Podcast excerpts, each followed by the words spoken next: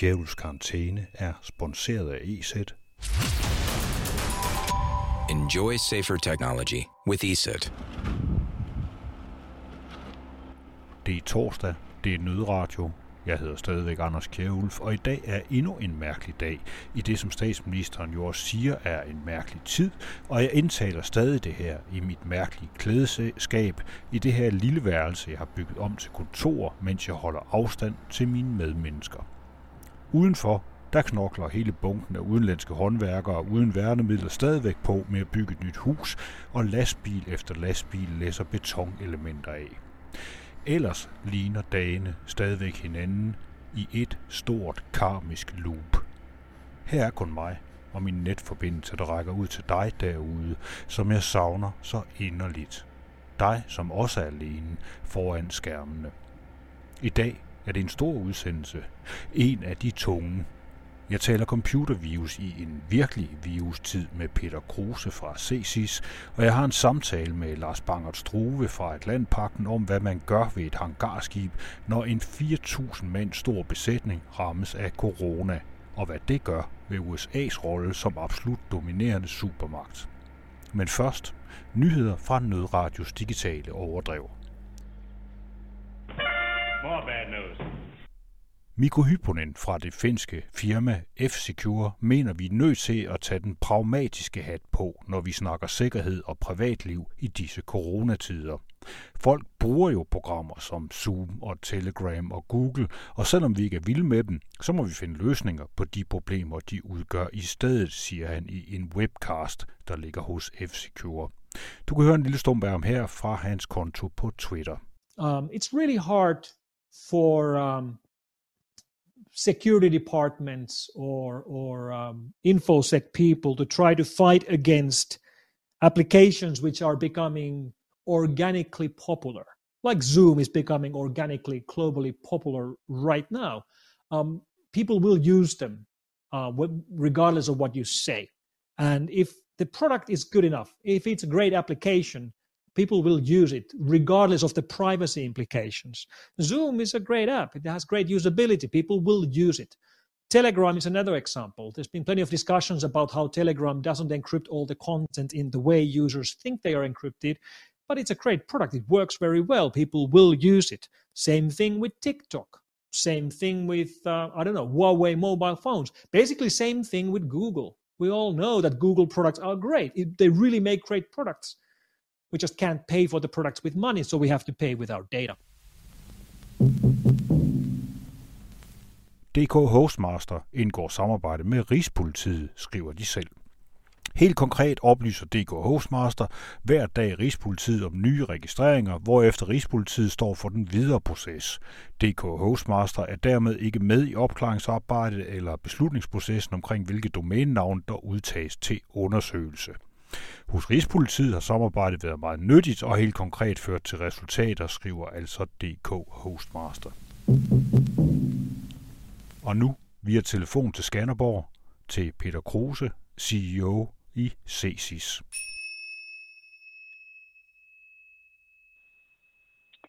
Altså allerførst, så tror jeg, at øh, mange mennesker lige skal vågne op til en ny virkelighed. Øh, jeg tror, alle er blevet taget med bukserne nede, sådan helt bogstaveligt den her coronakrise er fuldstændig umulig at forudsige, og, øh, og den er jo kommet som en tur om natten, ganske som et chok for alle. Ingen har, ingen har testet øh, et beredskaber i, øh, i, en, i, en, i, et, omfang, hvor man for eksempel som privat virksomhed eller og som offentlige institutioner har så mange medarbejdere lige pludselig siddende decentralt, altså siddende hjemme uden for virksomhedens parameter. Det er jo, en, altså det er jo virkeligheden at vende hele trusselsbilledet på hovedet, og det, øh, det i sig selv er, har været en stor udfordring. Men uden store verden, sådan som jeg i hvert fald objektivt øh, ser det, og, og på de trends, som vi kan se, så er det klart, at de kriminelle har taget øh, coronahatten på, forstået på den måde, at, at de, øh, de misbruger selvfølgelig øh, coronakrisen og øh, den store mediebevågenhed, som den med rimelighed har fået, øh, som fluepapir i mange af deres kampagner. Øh, det er jo selvfølgelig de her spam, spam-kampagner, som jeg refererer til. Men, øh, men, men det, er ikke kun, øh, det er ikke kun det. Vi, vi ser også øh, de her øh, svindlere, som normalt øh, først kommer ud sådan rigtigt fra deres, øh, fra deres ly øh, i sommerperioden. Dem ser vi også øh, komme frem i lyset nu. Så man kan sige, at jagtsæsonen er, er startet tidligere år, hvad angår det, man, det, man kender som CEO og BC-svindel, altså Business Email Compromise, og det er populært sagt i Danmark, man kalder direktørsvindel, hvor at man misbruger det forhold, at medarbejderne lige pludselig sidder fra hinanden, og ikke længere kan tale med hinanden, ikke længere har så nemt ved at, at lige kigge på hinanden og sige, at det her er en god idé, og, og klikke på det her, skal jeg svare på det her, skal jeg reagere på det her, der er, vi, der er det altså blevet en anden virkelighed, vi er vågnet op til. Så det er simpelthen blevet nemmere, fordi at øh, vi alligevel alle sammen sidder derhjemme, og derfor så har vi netop, som du siger, svært ved at, ligesom at se hinanden i øjnene og tjekke, om det her nu er rigtigt eller ej. Så kan man nemmere få med sådan nogle ting og lade som om, at den her mail den kommer altså fra chefen, når du skal skynde dig at betale og alt det her. Ja, det, er, det er præcis det, og, og man kan sige, at jeg kan, jeg kan supplere med, at, at, at den øh, tendens, som, som vi normalt så, altså de mønstre, som, som vi har set globalt, øh, også i forhold til, til Danmark, når, når vi kigger ind i sommerperioderne, har jo netop været et misbrug af, at folk har siddet decentralt, at folk har været på sommerferie, netop ikke har siddet og kommunikere med hinanden øh, øh, sådan ansigt til ansigt. Så det, det har jo, det, er jo et, det kan man næsten sig selv, det er jo ændret rigtig meget. Men, men, men øh, det gælder så også for, for statsaktørerne. Øh, de, dem, de grupper, som vi normalt også ser øh, blive ekstremt aktive i perioder, hvor at vi netop har sommerperioden, de er faktisk også allerede begyndt at blomstre nu. Øh, så, så der er kommet en, en, øh, en meget tidlig opblomstring, øh, og, og et startskud på sommeren er altså startet øh, meget, meget før end ventet. Og det, det kræver, stiller altså krav, øh, nye krav til virksomhederne, og, og specielt også myndighederne, og specielt også kritisk infrastruktur, til at tænke, øh, til at tænke nye trusler ind. Det her med kritisk infrastruktur, det er jo et, et rimelig konstant emne her i landet, som vi dybest set taler lidt for lidt om, fordi som, så vidt jeg ved, så er det stadigvæk ikke defineret, hvad der er præcis infrastruktur her i landet. Øh, men det er jo noget, som man jo så netop, som du siger, skal passe ekstra godt på øh, lige her for tiden. Kan man, er der simpelthen, altså jeg ved, der har været nogle angreb på nogle hospitaler og sådan noget, i, i jeg tror det er i Tjekkiet, øh, men er der, har, har, du, har du kendskab til, at der ligger sådan, skal man sige, regulære, sådan destruktive øh, forsøg på angreb rundt omkring øh, i verden i øjeblikket mod øh, for, forskellige statslige interesser? Altså nu er det altid, øh, altid en, en kunst at balancere på det, man sådan kalder statssponsoreret, altså advanced persistent threats, og så det, man kalder sådan generic uh, ransomware, eksempelvis uh, ransomware som i generisk forstand. Men, men uh, der har været, vi har, vi har hen over uh, de sidste par uger, hvor, hvor coronakrisen uh, er blusset op, der har vi faktisk set en, også, i øvrigt også en opblomstring i, i angreb på mere målrettede uh, uh, spearfishing-angreb, hvor, man, hvor at, at payloaden har været, har været ransomware. Så det, med, det at, man, at man er destruktiv, uh, er jo selvfølgelig en ting, men det, at man også forsøger at få penge ud af det, for eksempel i, i forbindelse med med, med ransomware, det er jo, det er jo en, ny, øh, en, ny, en relativt ny tendens, vi har set. Når man så ser på det faktum nemlig, og det er det nye i det, at man, at man er begyndt at, at, at indlægge øh, datastjælende funktionalitet i de her ransomware. Altså før i tiden var, var, var ransomware jo øh, på, øh, på den ene side både destruktiv, men, men også at den kidnappe data. Det var jo øh, den primære funktion i ransomware. Men, men det, man skal være opmærksom på nu, det er, at ransomware-familier, som eksempelvis den, vi kender som Maze, øh, og der findes jo et, øh, rigtig mange andre, øh, også hoppet med på coronabølgen, men samtidig med det, udover at være ransomware, så også stjæler data fra virksomhederne. Og det de så gør til med, øh, når de så har stjålet det her data, så er det, de bruger det som led i deres afpresning, fordi vi alle sammen lever i den her GDPR-verden, hvor at hvis vi lægger data, så kan vi risikere at blive konfronteret med en bøde oveni. Så for at gøre det hele sådan dobbelt surt, så øh, krypterer de data, og samtidig med det, så lægger de også data og, og, og, og gør den her data, de stjæler, offentligt tilgængelig som en del af pressionen. Altså sådan små drip drops. Så, så, så vi, har, vi har set angreb, som har ramt, øh, hvor jeg vil sige, kritisk infrastruktur også hjemme, øh, hvor det er blevet heldigvis er blevet bremset øh, tidligt i, øh, i fasen, men hvor det gået, kunne have gået grueligt galt, og hvor man egentlig kunne have, have haft, kan man sige, double trouble i, i den forstand, at vi både kæmper med corona på den ene side, og så skulle vi pokker mig til at kæmpe mod, mod ransomware med datastjælende funktionalitet. Altså det, det, det, er, det, det, det må være en hård tid at være IT-chef i dag. Ja, også i det offentlige vil du mene? Altså, det er også svært at sidde øh, for Center for Cybersikkerhed og sådan noget. De har vel også nok at lave. Jamen altså, øh, altså jeg, jeg, jeg keder mig ikke. Øh, og, og, og min, mit hold, øh, de som sidder og, og laver reverse engineering af, af binær kode, de keder sig så sandelig heller ikke. Altså, der, der, er ikke nogen, altså, der er ikke nogen mønster i det her, som, som, øh, som indikerer, at de kriminelle og statsaktørerne har fået mindre travlt. Tværtimod, det er sådan set bare, det er sådan set bare nogle, nogle nye familier, vi ser, som blomster op, og nogle, øh, nogle nye typer angreb, som kommer i kølvandet på, at vi har en ny situation, hvor vi netop har, har vendt trusselsbilledet øh, radikalt på hovedet. Men jeg tænker bare på, at nogle gange, de, altså det er sådan lidt, lidt fjollet spørgsmål, man skal jo egentlig også tro, at cyberkriminelle, de bliver vel også syge på et eller andet tidspunkt, men de sidder selvfølgelig inde det meste af tiden, mange af dem, så det kan være, at de ikke bliver udsat for smitte for samme niveau som os andre det, er faktisk, det, det er faktisk en, en, en ganske interessant observation ved det. Altså, de, altså man kan, den der selvisolation, øh, og, og tiden til at kunne sidde øh, i et, i deres en afkrog et eller andet sted i, i et land, og lave, og lave skumle planer mod Danmark, det må man sige, tiden er til det. Altså, det, vi, vi ser jo alle sammen og, og tænker tanker i den her tid her, hvor vi, hvor vi måske ikke lige har kolleger og sådan noget til at om ørerne på, og så holde os, i, holde os sådan, decideret i ørerne, så, så kan vi måske sidde hjemme i, på en anden måde øh, og arbejde på en, op på en anden måde, end vi måske vil gøre, måske ovenkøbe mere kreativt. Men det, det er jo det samme, øh, så, så du nævner det, det, det, det er jo det samme, jeg tænker, de kriminelle også bruger tiden til. Altså, de har, deres forretningsmodel er måske ikke så radikalt ændret, men, øh, men, men der er stadigvæk, der er stadigvæk det faktum, at, at kriminelle sådan i al almindelighed øh, ser mulighederne i, at vi, at vi netop sidder, øh, hvor vi gør, at vi sidder hjemme.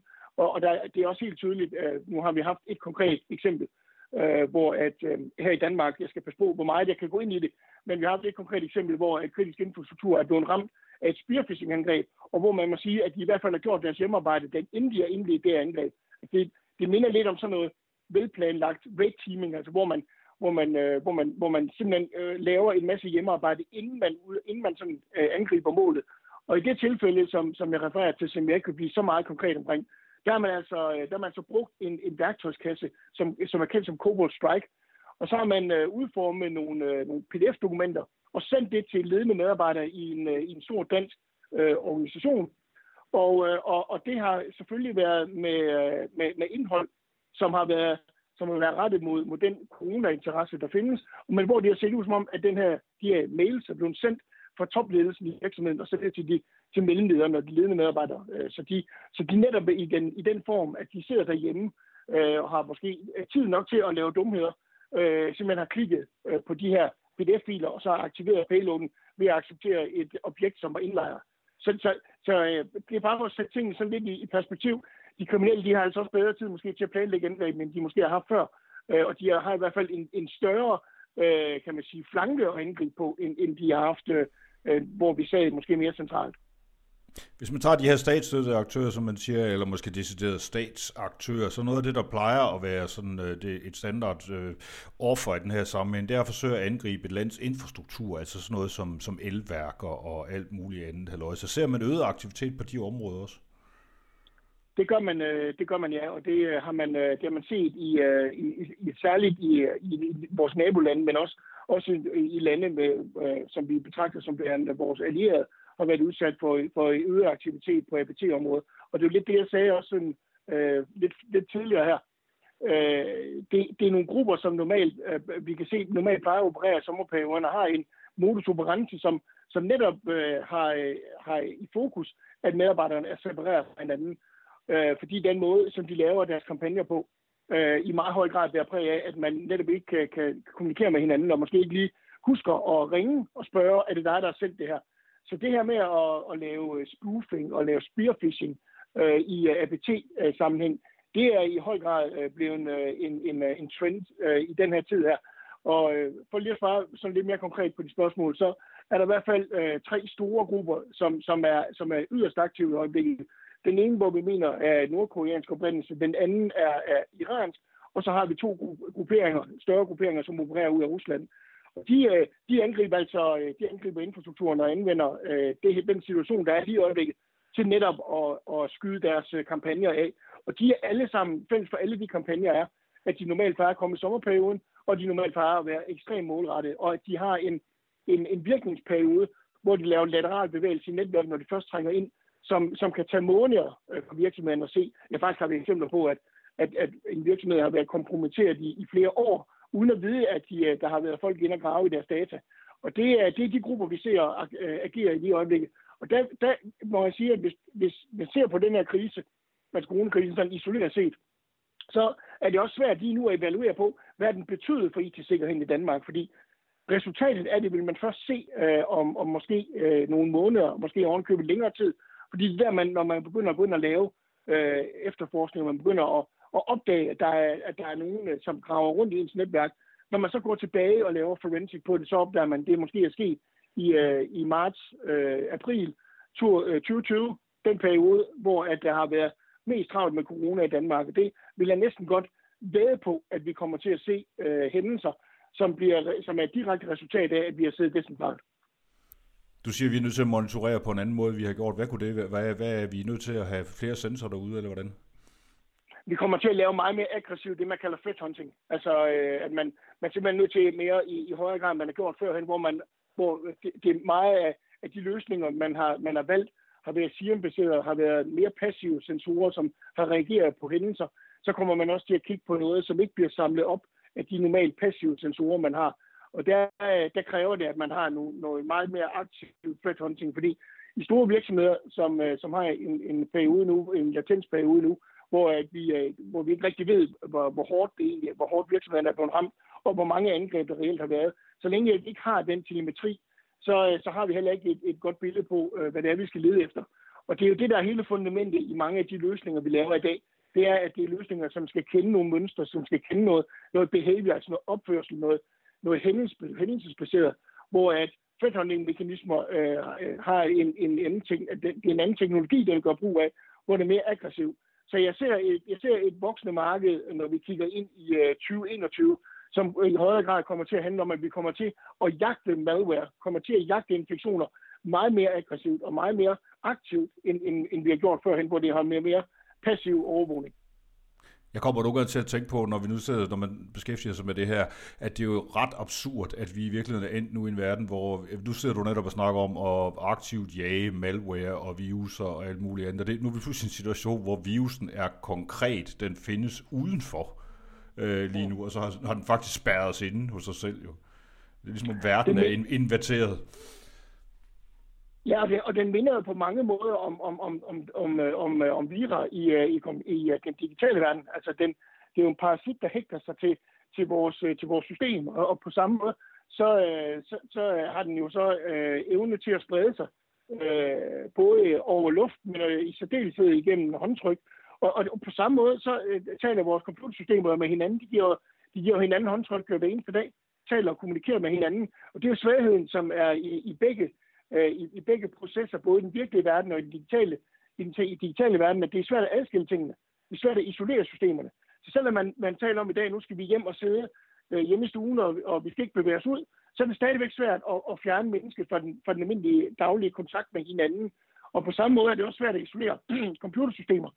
Så, så det her med, at den her coronavirus, den krasser rigtig godt og grundigt ude i den globale verden, jamen altså nogle af de øh, pandemier, vi har set digitalt, øh, der, er, der har været øh, øh, blandt andet grønfiler, som, er, som vil være et godt eksempel. En orm, som, som øh, spredte sig igennem en, en sårbarhed i Windows øh, for snart rigtig mange år siden, og som stadigvæk er hyperaktiv. Det, det, altså det, det er jo ironisk nok, at det er jo det samme, vi, vi kigger på øh, i øjeblikket, når vi kigger på coronavirusen. Det er jo samme øh, metode, den, den anvender den, den samme, øh, kan man sige, svagheder i, øh, i vores immunforsvar, og, og kontra svagheder i vores øh, operativsystemer, som bliver misbrugt. Så på, på, på den måde kan man jo sagtens sammenligne den virus, som vi kigger på i dag og frygter øh, COVID-19 at blive ramt af. Men det minder på mange måder om, om, en, om en øh, digital øh, virus. Jeg ved, du er travlt mand, så jeg skal ikke tage så meget mere af dit tid. Jeg skal bare lige høre det sidste. Hvad med dig selv? Er du, øh, sidder du også derhjemme, eller, hvad, eller går du ind på dit kontor, eller hvad gør du? Ej, jeg, jeg, jeg sidder herhjemme. Øh, det gør, det gør hele CSIS. Øh, vi, vi har valgt at følge anvisningerne og, og være ansvarlige, og, og vi har selvfølgelig ikke ønsket at trække, trække folk ind på arbejde. Vi har en, øh, vi har en, en, en lille isoleret øh, gruppe af mennesker, som ser i, øh, i vores øh, Network Operation Center øh, og, og har øh, 24-7 overvågning. Men, men en stor del af den har vi også meldt øh, fra, faktisk fra, fra, jeg tror det var to uger siden, og decentralisere helt. Så de sidder også hjemme øh, med adgang ind i vores, i vores netværk. Det har også været en udfordring for os at, at få, øh, få lavet det på en måde, sådan at det var forsvarligt. Vi har, vi har, vi har bedst øh, øh været tjent med, at, at de her folk, der sidder og, og kigger i i sådan nogle vigtige data, og som, som jo er, en super vigtig funktion for vores kunder, at de, nu ser de lige pludselig, at vi skal til at sætte noget op, så, så de kan sidde hjemme, og vi skal være 100% sikre på, øh, at, øh, at deres både fysiske, men også digitale øh, miljø, de sidder i, er forsvarligt sikret. Altså, vi tænker på, når man, når man ser det hjemme, så er der også der er børn, og der er andre, kan man sige, omstændigheder, som normalt ikke er i en virksomhed, Så derfor har det været, har det været mange elementer, udover selvfølgelig både hardware og software, så er der også mange andre menneskelige elementer, vi har nødt til at kigge på. Så, øh, så udover det, så, øh, så hvis vi ser på det for mit, for der hvor jeg er, i hvert fald den virkelighed, jeg er i, så er jeg hjemme med, med familien. Øh, min kone arbejder i det offentlige og har en funktion, hvor hun skal være øh, ude i den virkelige verden og ikke øh, kan undvære og, og ikke kan undvære derude. Så, øh, så det, øh, det betyder, at, øh, at, at, jeg, øh, at jeg simpelthen er herhjemme og, og passer, passer, på, øh, passer på børnene øh, og isolerer dem så meget, som jeg kan, og, og mig selv lige så. Held og lykke med det, og mange øh, tak til Peter Kruse fra CSIS. Velkommen. Kjævels karantæne er sponsoreret af EZ. Enjoy safer technology with ESET. Hvordan har magtbalancen det under en pandemi? Og hvad kan man bruge ingeniørtropper til, når det virkelig brænder på? Det og meget andet får du svar på nu, hvor jeg taler med Lars Bangert Struve, historiker og generalsekretær i Atlantsammenslutningen. This is a test. For the next 60 seconds, the station will conduct a test of the emergency broadcast system. This is only a test.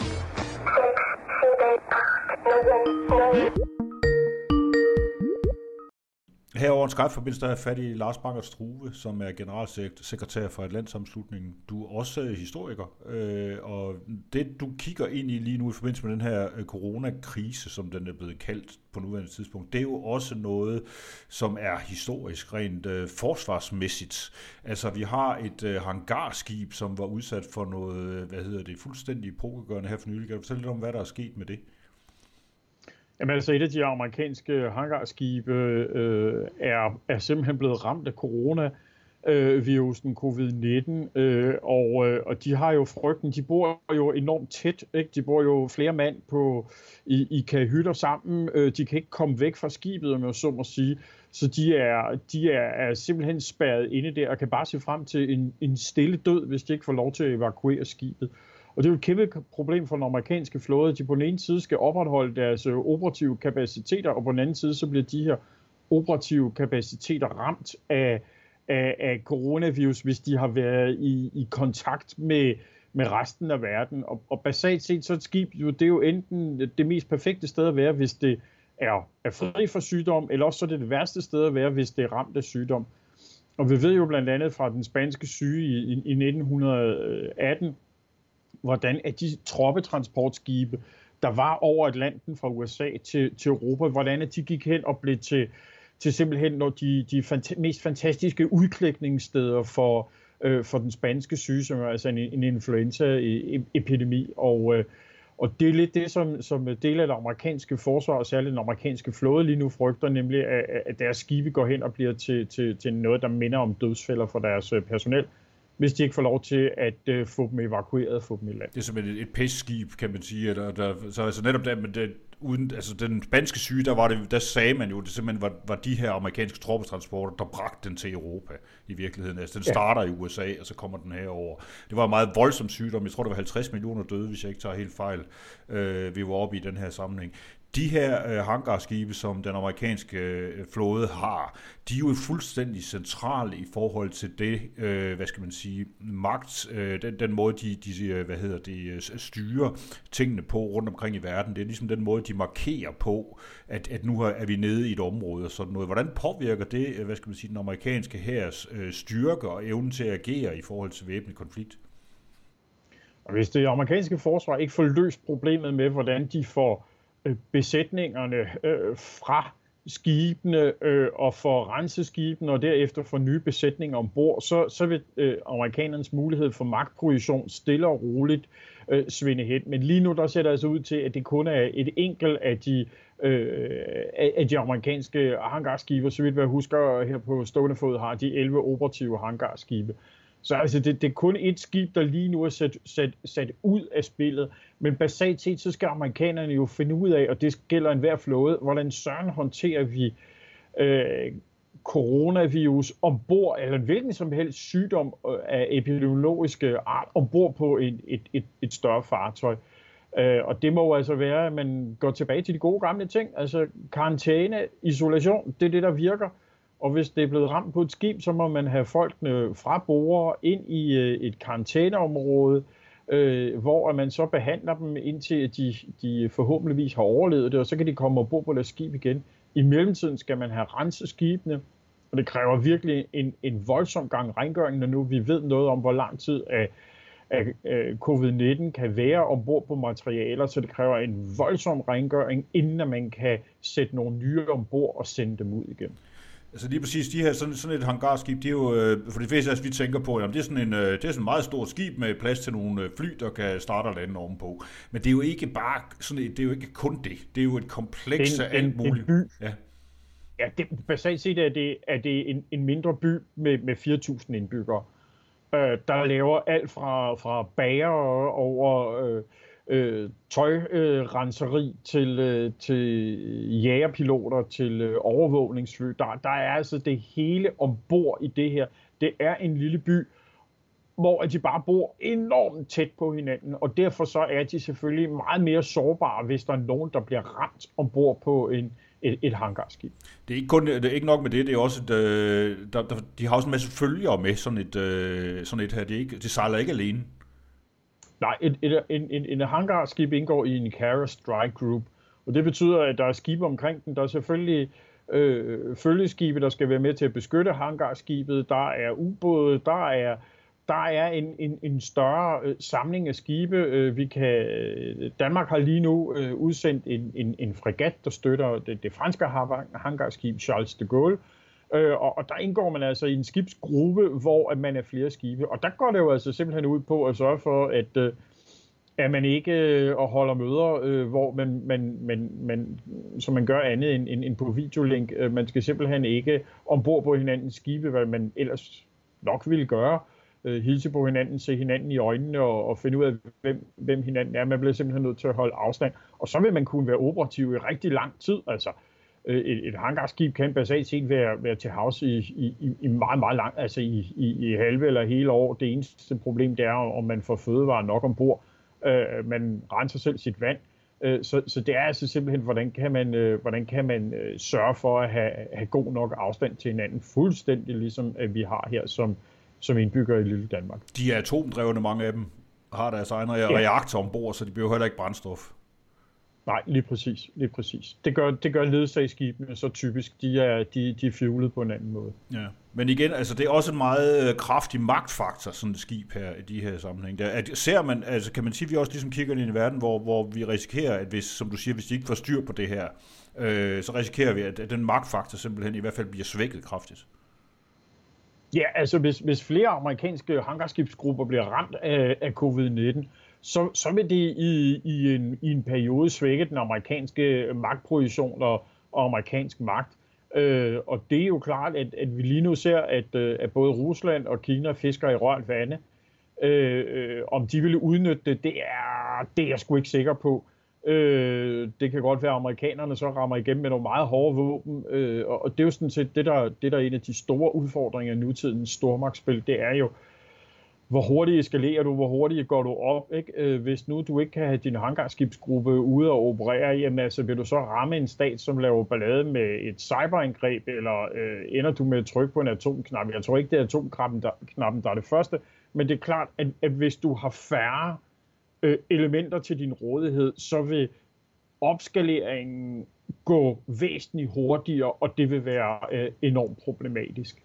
Øh, så, så amerikanerne skal se at få løst det her. Det lader jo altså til, at Trump lige de her dage faktisk har ændret holdning. Det lader til, at det, at nogle af hans venner nu er blevet øh, ramt hårdt, øh, er gået fra at have haft, øh, hvad han selv har betegnet som en influenza, til de ligger i respirator det gør, at, at den amerikanske ledelse faktisk lige nu ændrer markant holdning til det her. Øhm, og det gør, øh, at den amerikanske flåde også vil kunne gå ind og, og ændre, hvordan de gør og, og hvad deres praksis bliver. Der sker vel også det, at den amerikanske flåde, eller hele den amerik- det hele det amerikanske militær øh, kompleks, får nogle andre opgaver nu end i virkeligheden. Altså, fordi de indgår jo også som en del af, af beredskabet. Altså, man har indsat hospitalskibe, som vel egentlig tilhører, dybest set er beregnet til at indsætte under krig, for eksempel.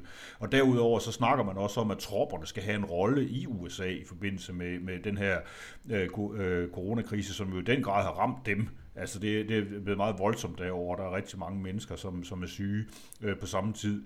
Øh, hvordan tror du, det, det er jo sådan en ny rolle for dem, at nu, nu er de pludselig nødt til at hjælpe hjemme hos sig selv. Altså før i tiden har de været vant til, at det er dem, der ligesom kommer ud i verden, og nu er det så hjemme hos sig selv. Jeg så endda sågar øh, en, øh, en lille video på Twitter i dag, øh, som var et øh, stort russisk transportfly, som simpelthen har doneret 60 tons øh, hvad hedder det, medicinsk udstyr til amerikanerne. Det er jo sådan den omvendte verden af, hvad vi, hvad vi kigger ind i. Øh, sker der et magtskifte nu? Øh, hvis amerikanerne ikke får håndteret det her meget hurtigt, så sker der et magtskifte. Øh, så, er det, så er det Kina, der, der kommer til at have overhånden lige nu. Øh, det, det, det er der ikke øh, tvivl om. Vi ser, hvis, hvis vi skal prøve at dele det her op i flere ting, der, det ene det er øh, russiske og kinesiske øh, propagandaoperationer og påvirkningsoperationer. Det er ligesom den ene del i det, du, du taler ind til.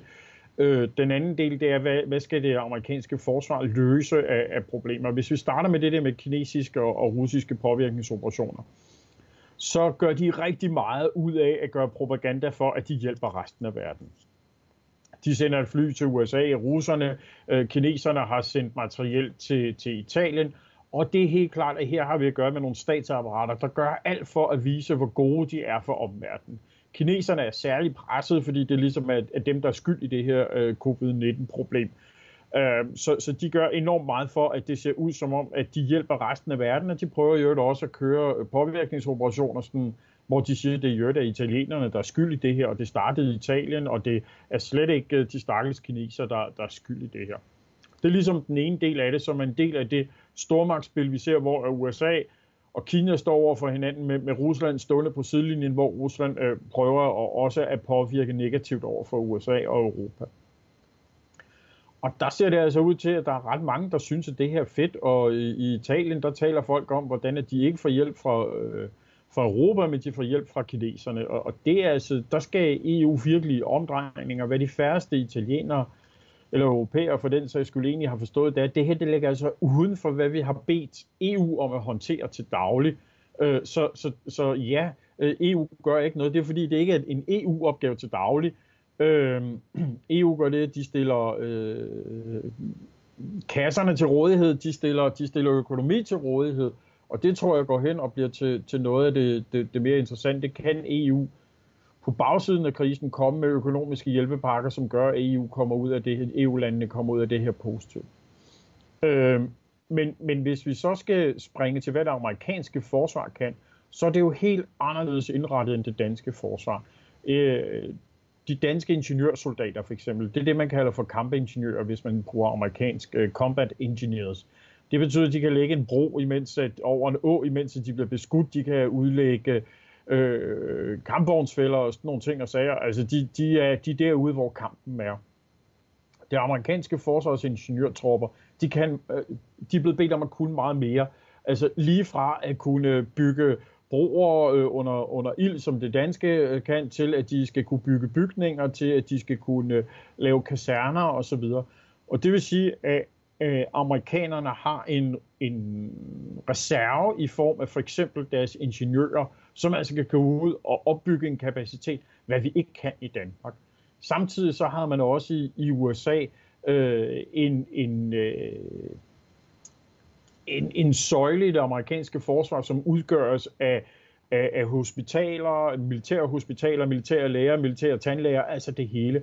Det har vi øh, over de sidste 20 år i Danmark øh, øh, nedlagt, øh, da det gik op for, for forsvarsforligskredsen, jeg tror det var i 2008, forsvarskommissionen, at, at vi havde militære tandlæger, så sagde de, det, det er simpelthen spillet tid, fordi det har vi ude i det almindelige danske sundhedsvæsen.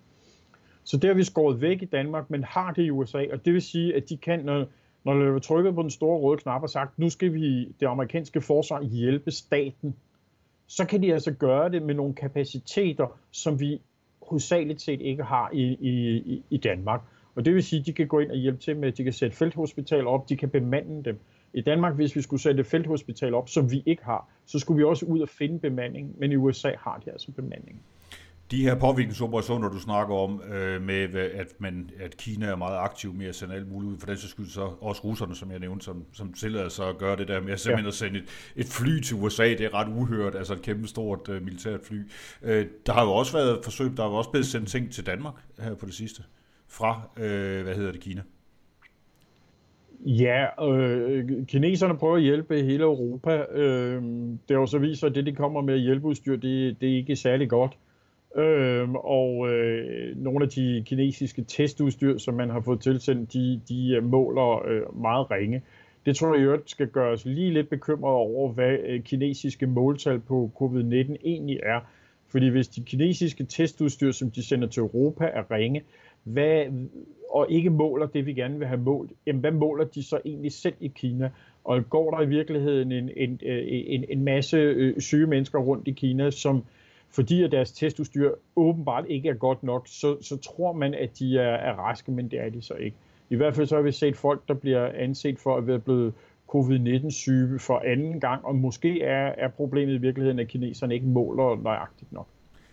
Der er et andet problem i forhold til forsvar lige i øjeblikket. Det er, øh, det er i hvert fald en artikel, jeg har læst på, øh, hvad hedder det, Defense One, som er øh, balladen med, at de har simpelthen svært ved at skaffe øh, lever, øh, leverandører leverancer øh, til, når de skal lave ammunition for eksempel, og en masse andre ting, og nye våbenudviklinger, fordi det jo i høj grad også er noget, som er afhængig af, at man får ting ind fra andre lande. Altså man har ikke, øh, det er ikke egenproducerede ting øh, i de her sammenhæng. Hvordan tror du, altså på længere sigt, hvordan tror du det her det kommer til at påvirke det her marked? Tror du man kommer til at rykke flere ting hjem, eller hvad gør man? Ja, altså jeg tror helt generelt set, at så kommer vi til at se, at, at, øh, at det her påvirker globaliseringen på to måder. Den ene måde bliver, at rigtig mange siger, at det er rigtig godt, at vi har haft WHO til ligesom at være med til at at komme input til, til verden, og i virkeligheden så er det jo øh, en, øh, en af de mest vellykkede FN-operationer i mange, mange år. De færreste ved så desværre, at WHO er en del af FN. Og her 75 år for FN, så kan jeg godt være bekymret over, hvor FN egentlig er henne. Men, men lad os nu lægge det til side. Men, men der tror jeg, der, der er en bevægelse, som i globaliseringens øh, navn og internationaliseringens navn siger, at vi kan kun overkomme det her ved internationalt samarbejde. Vi kan kun overkomme det her ved at være så internationalt som muligt. Vi kan se hjælpepakker til Italien, Spanien osv. Og det er ligesom den ene pol, og så får du modpolen, som går ud på at sige, at, at globalisering er negativ. Og globalisering er skyld i en masse af vores problemer. Og hvis vi særligt kigger på virksomheders supply chain, så er det jo altså sådan, så at rigtig mange produkter i hele verden er sammensat af mindre produkter fra en masse forskellige virksomheder, som producerer i hele verden. Og det vil sige, at man har opnået det, man kalder for interdependens, altså afhængighed af hinanden, i en grad, som man nærmest ikke kan forestille sig. Og det tror jeg går hen og bliver til noget af det, der bliver udfordret. Jeg tror, at flere stater vil sige, jamen vi har altså brug for øh, komponenter til kritisk infrastruktur. Det bliver lavet enten i vores egen stat eller i nære allierede stater. Og jeg tror, at hvis vi går ned så på virksomhedsniveau, at rigtig mange virksomheder vil overveje, om de vil bruge af robotter, kunstig intelligens og, og ikke mindst øh, avanceret 3D-printning vil være i stand til i, i, i en kombination at trække en række produktioner hjem igen øh, eller opbygge produktion, som sker på den måde, at du, øh, at du køber et, øh, et certifikat hos den pågældende virksomhed, og så kan du ved egen øh, 3D-printning få lov til at kunne printe produkterne. Det tror jeg er, er, er, er noget af det, vi kommer til at se, og det sagde jeg allerede i, i, i slutningen af, af februar måned, at, at jeg tror, at en af komponenterne i de nye megatrends, det bliver altså, at megatrends frem mod de, de næste 20 år, der vil vi se, at man hjemtager produktion i meget høj grad. Også fordi, at det simpelthen går hen og bliver til øh, robotteknologien gør det går hen og bliver billigere at producere herhjemme. Det bliver også samtidig sikrere at producere herhjemme. Der hvor at man ikke kan gøre en forandring, det er hvor får vi de øh, ressourcer, vi har behov for fra. Øh, og det kan jo altså komme til at påvirke øh, råstofudnyttelse i, i forskellige dele, og der skal vi nok i, i rigsfællesskabet holde øje med, hvordan kom, kommer det her til at lægge et, et nyt pres på Grønland. Et øh, sidste område, vi også øh, dengang lige skal snakke om, det er jo NATO. Som, øh, hvad hedder det, øh, det har, NATO har været sådan lidt under pres og under krise, der har i hvert fald været snakket om. Øh, og noget af det, som øh, er oppe nu, det er, at man siger, at det kan være, at det her i virkeligheden, også fordi USA jo, altså som vi startede med at snakke om, er en lille smule svækket lige nu rent forsvarsmæssigt, at så kan det være, at det er, at NATO's nye chance for det her. Hvordan, hvordan ser du øh, udsigterne for, for en forsvarsalliance som NATO nu? Altså, jeg tror, at, at hvis det lykkes for, for generalsekretær øh, øh, Jens Stoltenberg at, at, få, at få det kørt afsted, sådan som han gerne vil have det, så bliver det her en styrkelse af NATO. Vi ser, at man at NATO styrker og, og understøtter Luxembourg, Spanien, Italien. Vi kan se, at Ukraine henvender sig til NATO, kan vi få hjælp. Øhm, og, og, og der er det altså sådan, så at der kan det meget vel være, at man får det gjort. Det sker inden for rammen af det, man kalder for Euro-Atlantic Disaster Response Coordination Center. Øhm, en, en, en, en dejlig øh, lang titel, men, men NATO har jo øh, faktisk siden 1990'erne opbygget en, en krisemanagement-kultur. Og den øh, er, ser vi ligesom genoplevet i de her dage at der, der hvor at man i 1990'erne så, at vi kommer ikke til at komme i krig igen, hvor man jo nok tog fejl, jamen altså så faktisk nogle af de elementer, man har udviklet siden 1990'erne, de kan lige pludselig blive aktiveret. Det er de færreste, der kender til de her elementer i dag, fordi man har fokuseret på, hvad har man lavet i Afghanistan, hvad med Irak, hvad med alle de steder, hvor NATO eller NATO-stater har været engageret militært. Men der er altså en søjle i NATO, der, der hedder krisehåndtering, og der er Euro-Atlantic Disaster Response Coordination Center en af de vigtigste parametre overhovedet. Og der tror jeg altså, at man er på vej markant op i gear. Øh, ser vi på, øh, på, på NATO's øh, Public Diplomacy Divisions øh, hjemmeside, og hvordan at de fortæller om, at nu sætter man fly afsted og øh, med, med forskellige ting og sager, så er det helt klart, at der sker altså noget i NATO lige nu, hvor man, man prøver at komme op i gear på det her punkt. Enjoy safer technology with ESET.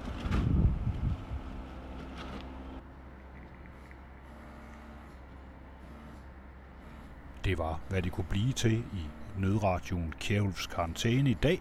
Du må vente på mere i morgen, hvis du skal have noget herfra. Hvis du har en historie eller et godt tip, så skriv til mig. Der står en mail under podcasten.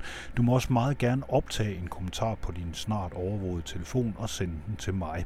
For eksempel via WeTransfer eller OnionShare eller Signal. Øh, eller hvad der nu passer dig. Jeg svarer i hvert fald på 42 44 06 34. Jeg sender jer alle sammen store knus, kram og kys, for jeg savner jer alle mine smukke medmennesker. Ha' det godt og pas på jer selv, nu hvor vi ikke længere kan passe på hinanden på andre måder end ved at holde os fra hinanden. Holde os for os selv. Holde afstand, holde ud og holde af.